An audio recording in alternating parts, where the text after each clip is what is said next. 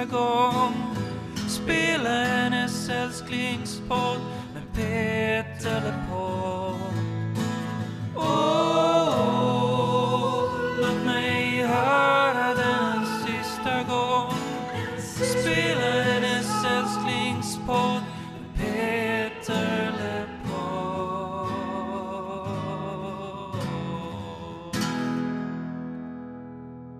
Välkommen hem. Till, eh, ja välkommen hem till mig faktiskt där vi sitter och spelar in idag. Eh, Jag heter Tony Savela och eh, mitt emot mig sitter Emil som alltid. Mm. Och eh, du lyssnar alltså på Peter LePodd, podcasten om Peter Lemarks diskografi. Det är i alla fall vad vi brukar göra i den här podden, att vi pratar om specifika album eller eh, intervjuar personer som har att göra med Peter eller gräver ner oss i enstaka ämnen. Ehm, Men den här veckan så, vad ska man säga, så tar vi lite av en paus från det. Det är ett klassiskt vi köper oss tid avsnitt. Ja men precis, så får man väl ändå säga. Ehm, och, eh, men vi ska ju ändå inte bara prata blaj utan vi har ju fått lite frågor från lyssnare under tiden som vi har haft podden. Eh, och häromdagen så slängde jag upp en, ett inlägg på, på vår Instagram, en sån här story som ungdomarna kallar det. Där, jag, där jag ställde frågan, att, eller där jag, där jag kom med uppmaningen Ställ en fråga till oss. Och det var några som gjorde, så vi fick ihop nu en, en bunt frågor som jag tänker att vi, vi kan ta och gå igenom. Som kanske är av intresse för våra lyssnare. ehm, eller allmänt intresse för de som gillar Peter Lemark.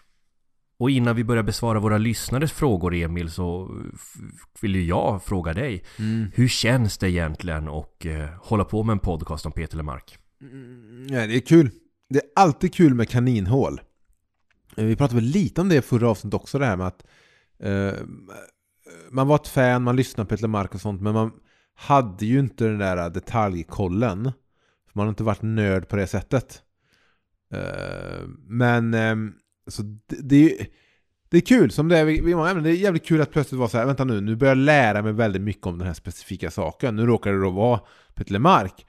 Men som i avsnittet där vi pratar med då Peter Gomes, att få eh, lära sig lite om den här 91-turnén, det akustiska äventyret och sånt. Det är ingenting som man liksom, det är ingenting jag ku- kunde någonting om i somras. Nej. Och samtidigt så blir det ju någon sorts eh, konstnärlig, inom Mm.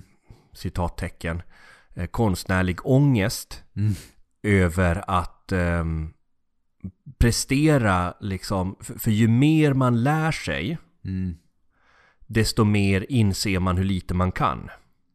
Och desto mer ämnen känner man att man vill täcka in. Ja, för det jobbiga blir ju att man går från att vara så här. eh, Ja, men jag tycker den skivan var bra, men jag är lite osäker på vilken skiva som kom efter. Mm. Är någonstans mellan det och att ställa upp i 10 000 kronors frågan om Peter Lemark. Ja, För man är i det här mellanlandet där man är så här, jag kan inte nämna alla låtar i ordning på, på skivorna, hur de ligger, men jag kan ju mer än gemene man nu om Peter Lemark. Ja, och varje gång vi sen, som sagt, man snubblar på ett namn som ehm, man, man bläddrar igenom så upptäcker man ett namn som har jobbat mycket med Lamarck. Då känner man ju, den människan måste vi också prata med. Ja, ja. Och rätt som det är så står man ju där och du vet, har ångest för att man inte lyckas få till en intervju med en kille som var vaktmästare på MNV hösten 92. Ja, så blir det också lite nu när vi ändå, för jag tycker vår podd är i någon sorts kronologi, den rör sig ändå framåt och så försöker man täcka ämnen på vägen.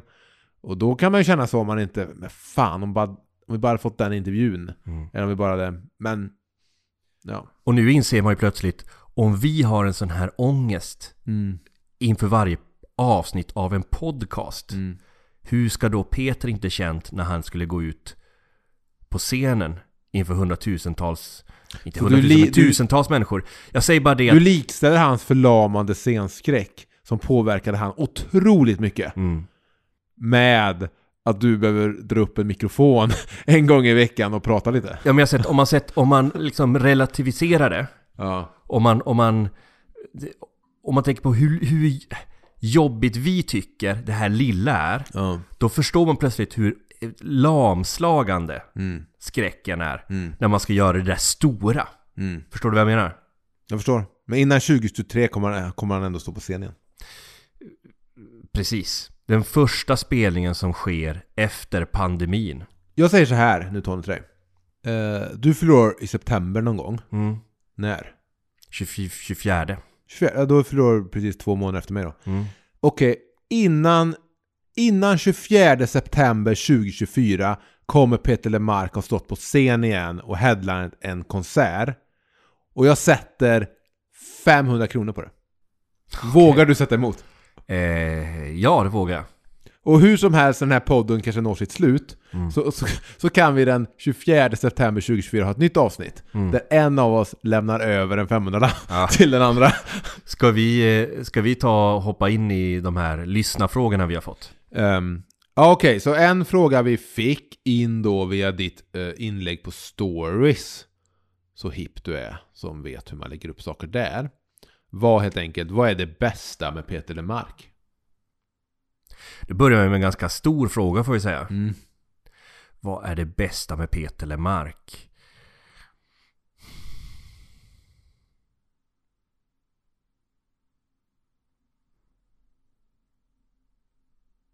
Rent spontant Nu tycker du det är jobbigt för du tänker, nu fan Emil kommer behålla hela den här tystnaden i, i klippningen. Ja. Rent spontant, det bästa med Peter Lemarks musik, givetvis svårt att svara på. Det finns ju väldigt Mm. många olika olika saker man uppskattar och Mm. om jag pinpointar en sak så utelämnar jag en annan. Mm. Men det jag tror som jag har fastnat mest för är att han har lyckats skapa med ett väldigt amerikanskt, dramatiskt, musikaliskt uttryck Mm. lyckats göra sånger om ämnen sprungna från en verklighet. Mm. Alltså att han kan göra låtar som jag kan lyssna på och antingen relatera till eller förstå som känns som att de kan hända vem som helst, ursäkta uttrycket. Mm. Eh, Och att han eleverade till liksom någon sorts eh, känsla av att det är större än livet. Det, det är den flummiga meningen mm, bakom det Men jag- betyder. Är det inte det som är lite alkemin i det han gör? Att, för att jag tycker inte det han... Vi har, vi har nämnt några gånger i den här poddens gång att liksom, "Åh, jo, han är så duktig på det socialrealistiska. Men alkemin är ju att genom uttrycket så blir texterna om busskurar och sempermat och det här att det ändå inte känns som grovkornig, handhållen socialrealism heller. Kan Ja men exakt, exakt. Mm, Att det ändå finns Det finns ändå ett romantiskt skimmer över hans låtar mm. Det känns inte, du vet, hon flyttade ut till Bergsjön förra våren Aktigt heller, det blir inte, det blir inte riktigt, du vet ehm, Nej men precis, det det var, det var väl den jämförelse med progg jag tänkte Ja. göra. ja. Att det inte är det här liksom en, en, en ensam man som över en skramlig gitarr berättar Nej. om hur det är och eh, ja, men pendla till jobbet ute i Bergsjön. Ehm, inte sagt att Peter Mark inte skulle kunna göra en låt om det. Men genom att, att förlägga det i den här amerikanska soul-traditionen, Ja. eller rb traditionen så lyckas han skapa en känsla av poesi kring ämnen som finns i vår vardag. Så att sitta på bussen till jobbet känns plötsligt som att, att det är en scen i en film. Det är väl det som är skillnaden, för när Nationalteatern sjunger Hon flyttade ut till Bergsjön förra våren Hon har en etta där hon bor ensam med sitt barn Så är jag i en svensk 70-talsdokumentär Men om Peter LeMarc hade sjungit Klockan är 7.30, jag sitter i lunchrummet på stans bilfabrik Så är, är, det, då är det det här, okej Men kan detta kanske vara lite en musikal ändå? Ja. Kan det vara ändå lite så här att vi är inne i en annan typ av liksom, verklighet? Så det är väl alkemin kan jag också känna. Mm. Vad, vad, säger, vad, skulle du säga att det är det bästa med Peter Lemark? Nej, jag tror det är det.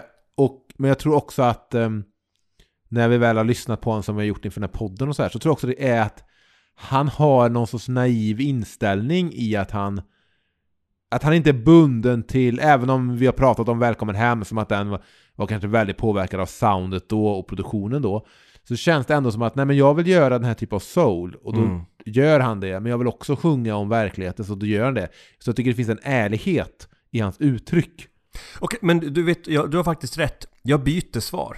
Jaha. Jag byter svar till den konstnärliga integriteten.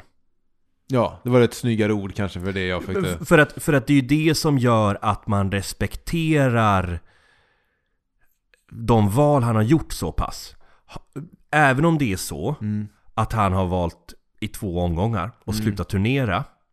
Och även om det är ett val som jag själv tycker är så trist. För jag vill ju att han ska turnera, ha turnerat mer så att det ska finnas mer live bootlegs. Mm. Mer liveupptagningar, mer chanser för mig att få gå och se de konserterna. Mm. Så finns det ändå, så är det ändå baserat i en konstnärlig integritet. Mm. Som gör att, att jag respekterar det. Och på samma sätt så blir det med de musikaliska valen Mm. bakom albumen. Om det är så att, att eh, han, han vill, när liksom i slutet av 80-talet, Mm. när allting skulle låta som stentvättade jeansrock, Mm. att han gjorde den stora gester gospeln. Mm. Eller att han i början på 00-talet gjorde Dogma Americana. Mm. Mm. Så är det, är det, kommer det från liksom en eh, fast vilja. Och inte från en trendkänslighet. Nej. Och det är väl därför jag också skulle respektera om vi säger han skulle göra en eh, du vet man läser Peter Lemark släpper skiva där han tolkar Roy Orbison eller vem man nu vill tolka Tom Waits eller vem det nu ska vara. Eh, Då hade jag direkt vetat att okej, det finns ingenting cyniskt i att han gör det här. Han gör inte en sån platta för att det är enklare, eller en sån platta för att det, man har med sig ett, ett namn och kunna sälja skivan på, utan du vet, okej, det här är bara för att han råkar vilja göra det. Mm. Vare sig det är Tom Waits eller så här Peter Mark torkar Whitney Houston, eller vem det nu skulle vara, så finns det att okej, det där kommer av att han verkligen vill göra det. Och det, det, det finns ett ärligt uppsåt där. Ja. Um, och så säger jag inte att det inte finns ett ärligt uppsåt när Micke Wiehe översätter Neil Youngs Ohio och gör den till en låt om flyktingarna som försöker ta sig över Medelhavet. Men det är inte lika ärligt som om Peter Lemark hade valt att tolka Neil Young. Om, om vi vänder på frågan då. ehm, vad är det sämsta med Peter Lemark? Vågar man ställa den frågan i en Peter Lemark-podd? Ja, men det, det sämsta med Peter Lemark är...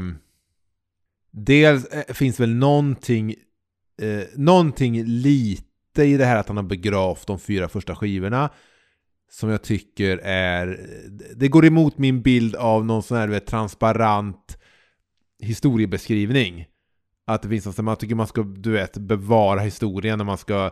Du vet, det, det är viktigt på något sätt att, att, eh, att det inte blir så här... du, bränna böcker eller eh, du vet, Jo, låsa fast- in saker i arkiv och sådär. Ja, fast det, alltså... Han har väl bara valt att inte ge ut dem. Det är ju Nej, inte så att han, ju det, om man det, inte vill- det är inte så att han har sökt upp liksom alla fysiska ex och förstört dem. Han är ju inte George Lucas med Star Nej, Wars. George Lucas sa ju det om den här, de, det kom ju den här um, Star Wars Christmas Special där efter någon gång efter första filmen så kom det på tv då en Christmas Special med Star Wars. Och den är ju känd för att vara så idiotiskt dålig. Och då vet jag att George Lucas har sagt någonting. Hade jag haft möjligheten att bara köpa upp alla exemplar och bränna dem så hade jag gjort det. Och så är det inte riktigt. Men sen är det väl också det som är sämst med Lemark är väl att han eh, inte finner det inom sig att tycka det är värt att eh, eh, dra ut på en ny turné helt enkelt. Mm. Och även om jag också respekterar det så är det väl bara, men kan du inte bara vakna upp en morgon och känna Nej men nu skaffar jag ett ställe att repa på. Ja. Nu samlar jag ihop ett band och så ger jag mig ut på en liten skön soul och gospel turné liksom i, i konserthus runt om i Sverige. Så egentligen det som både är det bästa och sämsta Mm. är egentligen samma sak. Ja, integriteten. Det bästa är integriteten och det sämsta är integriteten som gör att vad fan spela in en ny skiva gubbjävel. Ja, Vi sitter ju här Det- och längtar. det är lite som att eh, Norm MacDonald, amerikansk komiker och ståuppare, sa någon gång att det perfekta skämtet är ett skämt där setupen och punchlinen är samma. Ja. exakt det du säger som setup ska vara sen exakt det du säger som punchline. Och det är väl lite som Peter Mark att liksom integriteten är det bästa och integriteten är det sämsta. ja, ja, det finns väl något snyggt i det. Ja. Eh, Jag kan ta en fråga vi har fått här av en annan eh, eh, lyssnare. Och som hu- hugger tag lite grann det du nämnde här nu. Mm. Den riktar ju sig mer om, eh, om vår podd då. Ska ni prata om de fyra första albumen? Det tycker jag. Det, det vi gjorde var ju att vi startade med vita skivan, när vi startade podden, var ju också för att det var en skiva folk känner till. Och det skulle inte vara så liksom, en sån mur att ta sig över för att lyssna på podden. För jag tror det var bra att man pratade och höll om mig rätt tidigt och sådär. Men vi har väl alltid haft tanken i alla fall att på något sätt beröra skivorna längre fram. Så Peter LeMarco är ju inte säker när det kommer till att, eh, att kanske slippa att de ska liksom lyftas upp av Peter LePod. Men det, för det kommer de väl på något sätt göra i alla fall. Ja, och jag tycker att vi får väl eh, se lite grann vilken lyssnarrespons. Ja, om folk Om- vill höra. Om det är så att vår mailbox exploderar av folk som kräver liksom mastiga diskussioner om Buick. Ja. Ja men då kommer vi vara så illa tvungna. ja, och sen jag skrev ju på vår Instagram eh, ja, för någon vecka sedan det blir och jag att jag tror ju A-sidan på Efter tusen timmar är bättre än B-sidan på Vita plattan. Så där kan ju lyssnarna ha med sig någonting om vad jag tycker om ändå de tidigare skivorna. Att, fan. Mm. Ja, det är en kontroversiell åsikt. Eh, en till fråga vi fick var Vilken LeMarc-låt vill ni ska spelas på er begravning? Ja, vad säger du Emil? Vad har du för låt? Jag tror vi kommer svara Vaggsång. Man vill ju svara vaggsång. Mm. Det är väl en sång som Peter själv, var det inte så att han nu kan jag minnas fel och jag ber om, hemskt om ursäkt om det i sådana fall. Men var det inte så att han sjöng den på Lennart Perssons begravning? Ja, mycket möjligt. Mycket möjligt. Eh, Det var i alla fall någon begravning han sjöng den på. Och Ja. det tror jag kan måste varit väldigt starkt. Ja. Eh, nej men om, om man ska spela en låt så, så ligger ju Vaggsång klockan fyra väldigt bra till. Ja. Men jag funderar på... Under din kjol. Nej. Eh, jag har ju länge gått omkring med en sån här spikad låtlista för min begravning. Har du, skrivit, har du skrivit ner den då så att den verkligen finns? Nej, jag har ju inte gjort det. Nej. Jag hoppas att jag har sagt den till tillräckligt många för att, de, för att någon ska komma ihåg det. Eh, men samtidigt, det är ju en väldigt morbid tanke Mm. att gå omkring och fundera på vilka låtar som man ska spela på ens begravning.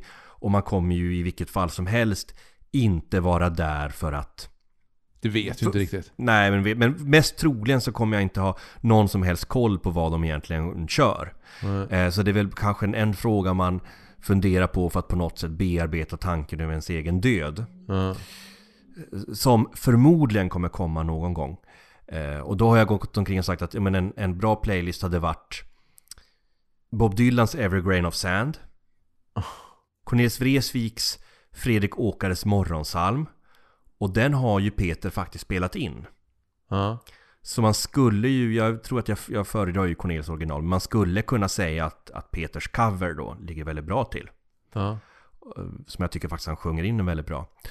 Och eh, sen har jag också sagt CC Tops Rough Boy. Ja. Lite grann för att den här väldigt ostiga 80-talsballaden med mm, syntar och trummaskiner och allt sånt där är en, en, och en refräng som går I'm a rough boy är en sån låt som där om man så att säga skulle bära ut kistan till den att folk skulle liksom fundera lite grann vad, vad vill han ha sagt med det här? Tony var väl mycket men han var väl kanske inte en rough boy. Nej. Det finns väl något ändå i... Ja. Ja. Men då i alla fall när jag började fundera att ska det vara en Peter LeMarc-låt Mellan månen och mitt fönster? Ja, som, som jag sa tror jag i Buenos Aires-avsnittet. Pound for pound, kanske den bästa Peter Mark-låten. Men hade du då kört eh, studioversionen eller hade du kört live-versionen från Buenos Aires eller möjligtvis en annan live-version? Då tror jag att jag hade tagit en live-version. Ja.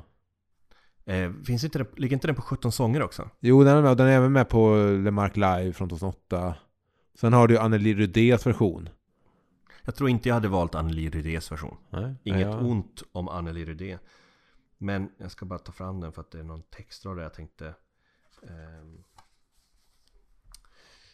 Ja men jag får bara tänka för att det här, det här är textrader som jag tänker liksom hade kunnat varit dramatiska på, på en Mm. begravning. Låt natten ha sin gång, all den tid det tar. Det måste regna för att något ska kunna gro. Men mellan, men mellan månen och mitt fönster finns en bro. Mm. Ja, jag, jag, jag tror på den. Säger du, du säger vaggsång i alla fall? Spontan, men så, så, det är ju för att det, det är en låt som jag tolkar som att den handlar om alltså, när någon väl ligger död. Men eh, Mellan mål mitt fönster är en sån låt som jag tycker är så jävla bra att jag nog skulle kunna ha den också kanske. Där tror jag vi är rätt lika i vad man hade valt. Och sen, eh, och det är Peter Utöver det så har jag inte så mycket. Jag har, jag vet att jag skulle vilja spela Pearl Jam har en låt som heter Man of the Hour som de skrev för filmen Big Fish, Tim Burtons film, om du har sett den. Och den är ju, är ju väldigt fin, så något sånt där. Men sen, jag, men nu när du säger att fan man borde kanske och skriva ner. Så man också alltid, så det inte blir så att typ men om liksom din kompis eller någonting eh, då argumenterar för men, jo, men Tony ville verkligen att vi skulle spela eh, Wild Wild West med Will Smith. Ja. Det sa han till, oss, till mig i gymnasiet eller i Mm. högstadiet eller hur gammal du var när den kom. Och det är ju risken om man inte själv uppdaterar Ja. den listan. Att, att, att under ditt liv har du säkert sagt, hintat om låtar till olika människor i olika tider i ditt liv. Gjort, gjort fruktansvärda påståenden på efterfester. Ja, precis, precis. Finns det någon låt jag skulle vilja spela på min begravning? Nej, men då är det just det, vart tog den söta flicka vägen? Så enkelt är det. Ja. Om vi ska vara lite mindre morbida. Mm. Eh, På ett mer festligt liksom. På, om, du, om du skulle få gifta dig Emil. Mm. På, på ett bröllop. Vilken låt hade du velat höra då? Vilk, under Ja, liksom akten. Inte akten liksom på bröllopsnatten. det lär ju vara en Petter Mark-låt under den akten också. Det det ju vara. Det, det finns ju inte en chans i helvete att inte kommer spelas eh, Petter Ja. Mark. Men, men under, under själva vixen menar jag förstås. Bi- Ja, alltså du menar, menar du när man, alltså när, under vixen, eh, du, okej, du menar inte på festen efter? Jag tänker vixen. Jag vill att livebandet som... Man kan inte ha ett liveband i kyrkan. Vi säger att vi har ett liveband i kyrkan för skojs skull. Då... eh, Ja, det blir ju regnig dag i Västerhaven då. Den pratar ändå om ett löfte om någonting. Jag ska bygga oss en stuga. Av ädlaste fur. Ja, jo men kanske. Eh, jag tänker ju, jag är ju ändå, jag är ändå förlovad. Ja. Och planerar ju att gifta mig. ja. Eh, och det är jag förhoppningsvis tänker min, min eh, hon jag är förlovad med. Jag har hört Samma annat. sak. Jag vill inte gå in på det nu, men jag är ja, Hon har pratat med mig lite vid sidan av att... hon har skickat lite sms. Hur drar jag mig ur det här? Finns det ångervecka? du som känner Tony, alltså, hur, hur kan jag föra fram det här? Eh, jag funderar på sång för april. Ja, det är också en skitbra... eh, Det är en fin låt att ha på Mm. bröllop. Ja, ja. Men för att, för att jag, för det här var en av de frågorna som vi innan så diskuterade. Och då började jag fundera på vilka låtar passar för bröllop. Jag vet att många har ju Mm. gift sig till Peter Mark-låtar. Mhm. Men så börjar man liksom läsa igenom texter på låtar man tycker ändå så borde vara romantiska. Mm. Men antingen så är det låtar som vi under podden där jag har liksom gjort så här snuskiga tolkningar. Mm.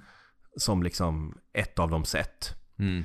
Eller så är det låtar man märker att "Ja, men det här är ju en fin text Men det finns ju oftast någon sån här mörkt strå Som Mm. gör att så här, det hade skurit sig i liksom bröllops Mm. jag, jag minns ett bröllop jag var på um, Det var en period där jag sprang på väldigt många bröllop Och då var det ett par som Under vixen så spelades En Håkan Hellström-låt som heter kommer aldrig vara över för mig Mm. Och den funkade väldigt bra De två första verserna Mm. Att man kände Och det här är ju liksom Det här är ju, jag har inte tänkt på Det här är ju en väldigt romantisk text som Text Mm. Som funkar väldigt bra och, och för sammanhanget och Den passar de två som gifter sig och sådär Men så kommer den tredje vers Mm. Som är väldigt så här udda som i, I det sammanhanget liksom Jag är 39, jag är tappat självförtroende Mm. Och då blir det så här Men nu dog ju romantiken i det här rummet Ja, men då blir det som ända till september. Så här. Vi kan köra de två första verserna. Men när versen om att man står i någons, eh, står till ut i någons köksfönster och allting eh, har tagit slut eller på väg att ta slut. Innan dess kan vi, kan vi bara tona ut snabbt låten. Men du, då, då, ehm, eh, då kom jag på vilken låt. Mm. Vals i cement. Ja, varför inte? För den är ju liksom... Men den kan ju också vara valslåten då när man väl ska dansa. Till bröllopsdansen. Ja men det är roligt, roligt också med något som är lite så av... Någon av de mer avspända låtarna. Hade du varit beredd att slänga pengar på Peter Mark för att han skulle spela på ditt bröllop? Slänga pengar. Ja, Hur mycket tror du att du behöver, hade behövt slänga? frågan är väl så snarare... ah. Ja, det är en svår fråga. Jag, jag Mm. tror han är svårövertalad. Har ni PA? Som han säger i Hundåren-podden. Ja. Folk frågar om jag kan komma och spela några låtar på någon fest. Men jag menar, bara komma och spela några låtar. Har ni PA? Ja. ja, han har ju rätt. Så det är viktigt. Om jag hade ställt frågan till hans manager, eller vad man nu frågar, kanske honom direkt, så hade jag alltid sett till att på frågan har du PA, så ska jag kunna svara PA är hyrt. Du behöver inte oroa dig för PA. Eh, en annan fråga här då, från en lyssnare. Om ni skulle göra en podcast om en annan artist slash band, Mm. vem? Ska vi säga att det måste vara en svensk då kanske? Ja men det tycker jag. lite... Jag tycker generellt sett att svenska poddar om internationella amerikanska ting och ämnen är ointressanta. Därför har jag en filmpodd om eh, amerikansk film. Men eh, eh, jag, jag vet inte, jag lyssnar inte så mycket på svensk musik, men jag tror att eh, Joakim Tåström hade kunnat vara lite intressant. Men jag vet inte om det är så intressant att gräva i Ebba Grön Imperiet, tyvärr. De två namn jag funderar på. Mm. Eh, jag kanske inte skulle ha den podden med dig. Nej, ja. För, ja, men, du skulle gärna få vara med om du, du ville det, men jag tror inte att du hade velat det. Eh, antingen en podd om Kjell Höglund. Mm. Det är lite förvånad över att det inte finns ännu. Mm. För han har ändå en diskografi som är väldigt intressant att gå igenom. Mm. Eller Annika Norlin. Men det är intressant Det att vill Annika säga, det vill, Norlin det vill är säga väl lite... hon som är säkert och Ja. Hello Safe Ride. Hon är ändå lite sådär, hon skulle jag kan tänka mig att det finns någon, någon i Majorna sitter podd om henne skulle jag kan tänka mig. Ja. Eh, Kjell Höglund är jävligt bra val. Jag menar när jag sa Tåström, alltså det finns säkert någon Tåström-podd. Som att det finns en Kent-podd, det finns Håkan Hellström-podd. Mm. Vissa artister får ju poddar och Tåström är väl lite i den genren. Att till slut kommer den jävla, du vet. När vi startade en Peter Lemark-podd så blev man ju lite förvånad att det inte fanns en. Ja, Alltså det var ju några googlingar. podden de spelar när filmen är slut. Ja, det var ändå några googlingar man gjorde. För att kolla så här, Peter Lemark podcast. Nej, för jag tänkte att rätt som det är så poppar det upp att det finns någon. Ja. Poddig Dav i Västerhav. Ja, precis. Ehm, ja, nej, äh, ja. Uh, Kjell Höglund. Ah, nej, men jag, fan, jag hade inte lyssnat så mycket tillräckligt på svensk musik. Jag skulle kunna ha en podd om Tone Norum. Ja, Hur många lyssnare får man på en podd om Tone Norum? det är inte, inte lika stort tryck tror jag. Nej.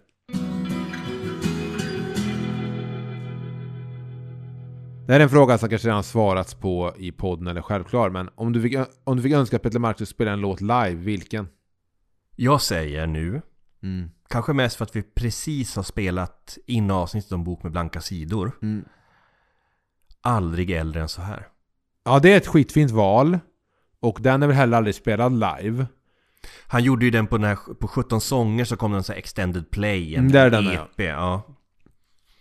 Um, ja, jag, det är tröttsamt för varje regnig dag i Västerhav på varje, eh, varje gång det finns tillfälle. Men den såklart hade varit skitkul att höra live. Men sen också hade det varit höra en banger live som inte har spelats live. Och det är Du och jag mot världen. Har den aldrig spelats live? Inte 2007 och inte 2014. För det är ju som du Den säger, är en banger. Den är väl spelad i TV, för det är det tillfället han har pratat om att han, han blev kallsvettig innan, han kunde inte sätta sången. Och då då han började känna att någonting sånt är rätt till med Peter Lemark. Eh, Men eh, den hade jag velat höra. Bara, du vet, jag tänker mig så här. Första setet är färdigt. De går av scenen. Encoren. Mm. Då bara kommer de där trummorna. Pojkarna och flickan.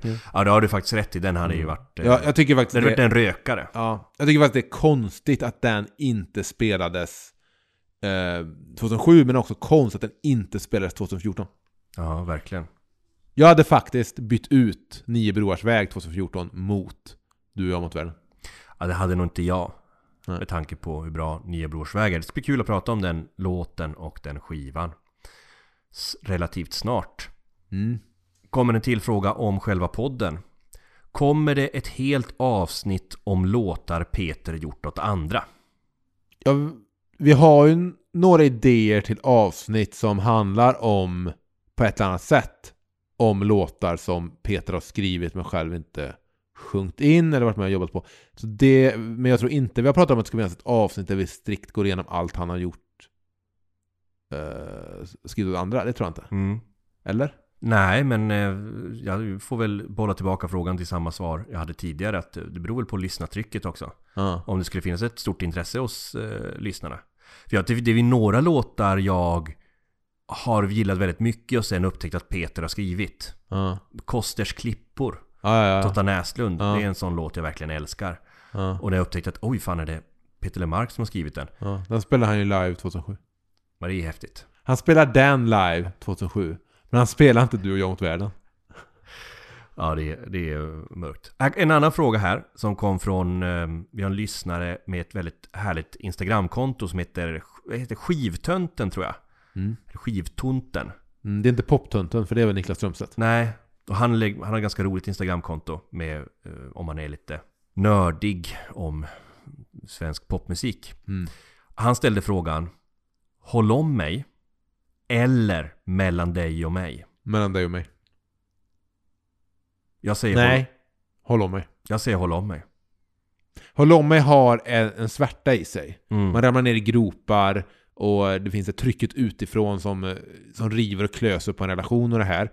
Så håll om mig, men vet, dels tycker jag faktiskt att 17 sånger versionen Mellan dig och mig som också dyker upp när han spelar ihop med Thomas Andersson Vi är fin. Och jag tycker, jag tycker också att studioversionen och singeln har något Ja. från Välkommen Hem. Men jag, jag svarar nu håll om mig i slutändan. Skulle man sätta liksom de akustiska versionerna, live-versionerna av Mellan dig och mig, Då säger jag mellan liksom dig och mig. neck, neck to neck, då Ja. blir det en svårare kamp liksom. Då säger jag mellan dig och mig. Men, eh, ja, jag... Pratar vi albumversioner, originalen, ja då är liksom... eh, Och nästan i vilket fall som helst, säger jag håll om mig. Mm. Den har den, den magiska touchen av- av också produktionen på vita albumet. Ja. Som inte riktigt återfinns på Välkommen Hem-skivan. En annan fråga. Vilken Peter Lemark-låt spelar du när du är på fest? Alternativt efter fest. På fe- jag hade ju en tendens under min tid på folkhögskola, där du också gick, där vi träffades. Ehm, du var min skripta en gång på en film. Sen blev det aldrig bättre så för dig. Eh, då i alla fall så... eh, eh, då vet jag, hade, hade jag ju en tendens du vet, att bara stänga av musiken och dra på sig en livekonsert med Pearl Jam. Det var Sen ganska outhärdliga fester kan jag Ja, vittna sen om. lärde jag mig att du kan inte få folk, du kan inte tvinga på Pearl Jam folk, man måste upptäcka dem själv. Så därför tror jag har jag väldigt svårt sen dess att sätta på musik. Jag brukar undvika att försöka, du vet så här.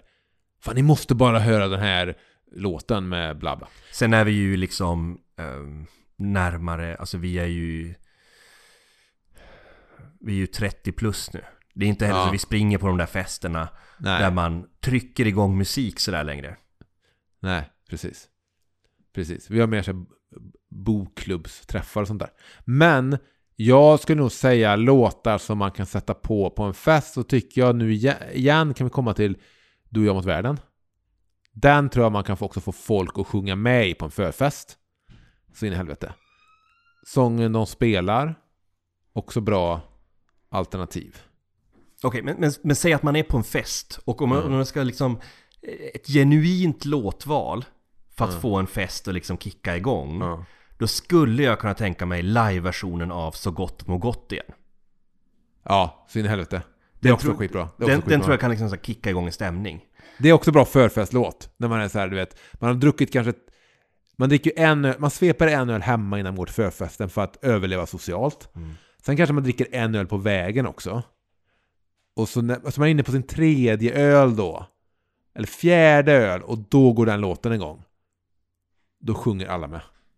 Det här är också en verklighet som sagt som ligger några år tillbaka. Jo, men jag är fortfarande, jag är fortfarande kvar. Jag lever nära min historia. Ja, och i synnerhet i, i så pandemitider. Om vi pratar om liksom efterfesten, när man kommer hem från den. Eller man kommer, man kommer hem från festen. Mm. Man eh, eh, antingen liksom med gäng eller att man bara sätter sig själv. Mm. Men på nyår så satte du ju på Välkommen hem. Just det. Sent där på natten. Ja. Den tycker jag har... Menar, Det är en bra efterfestskiva. Ja, och sen, om man inte, det beror på liksom vilken efterfest man är på också. För menar, 17 sånger hade ju varit en skön och liksom sakta försvinna bort, nästan somna till. Ja. Men eh, ja, jag tycker Välkommen hem har... Allt är över nu. Ja, Det är en bra efterfest. ja skitbra låt. Ja. Okej, du måste tatuera en Peter Lemark-textrad. Det, Vilken? det här har vi också redan pratat om i ett tidigare avsnitt. Mm. Eh, Uh, men om jag ska vara ärlig, för då skojade vi väl mer. Uh, jag vet inte, jag hade, nog, jag hade nog varit lite klurig. Jag hade ju inte tatuerat in så här, du vet. Uh, Någon sån här sången och spelar, alltså där. Men jag hade nog kunnat... Jag vet inte, jag vet faktiskt inte riktigt. Vad hade du valt?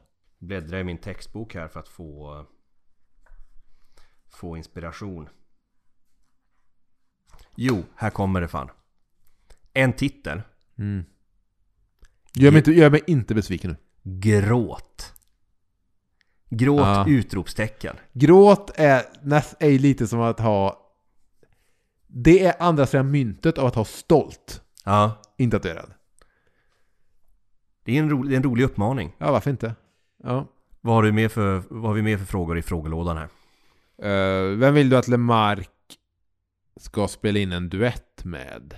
Oj, jättebra fråga också Eh, Den får du, eh, du får börja med den så funderar jag ut ett svar under tiden Jag har ju den här idén om att jag vill höra en duett mellan den äldre, visa mannen Peter Lemark som har levt ett liv som sjunger om hjärtesorg ihop med den unga, men inte så unga, men den unga Melissa Horn. Och Mm. två perspektiv. Eller att det är någon tröstesång från honom till henne, eller möjligtvis så, alltså något där. Så jag skulle svara, jag svarar för skojs skull Melissa Horn. Eller, eller om, om, om Peter Lemark vågar vara lite fruset vatten, fri lejd, mörk, lite så här osynligt bläckig, så hade jag nog också kunnat sätta en duett ihop med Joakim Thåström. Det är bra Mm. Jag tänker antingen man- man skulle vilja liksom eh, Han är ju som bäst när han sjunger mot någon som är lite soulig Ja, okej. Jag var inne i det här lite mer sena... Peter ja, Lemark, mm. Men okej. Mm. Så jag, jag har funderat på Mapei Ja, ja.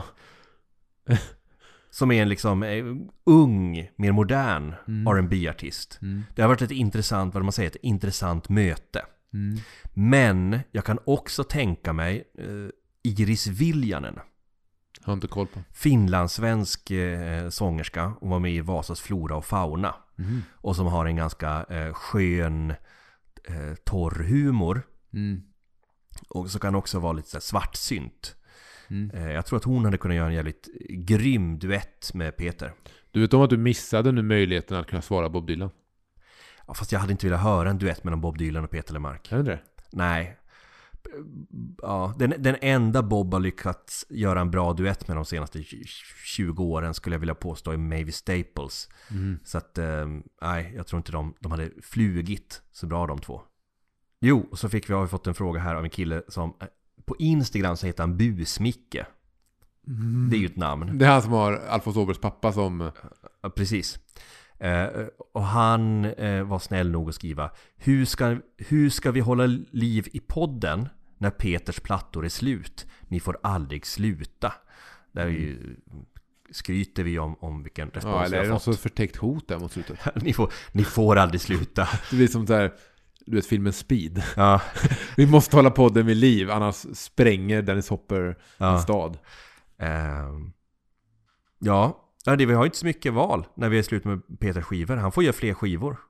Ja, det precis. Tanken är ju att vi skulle nå fram till slutet som är hans sista skiva. Mm.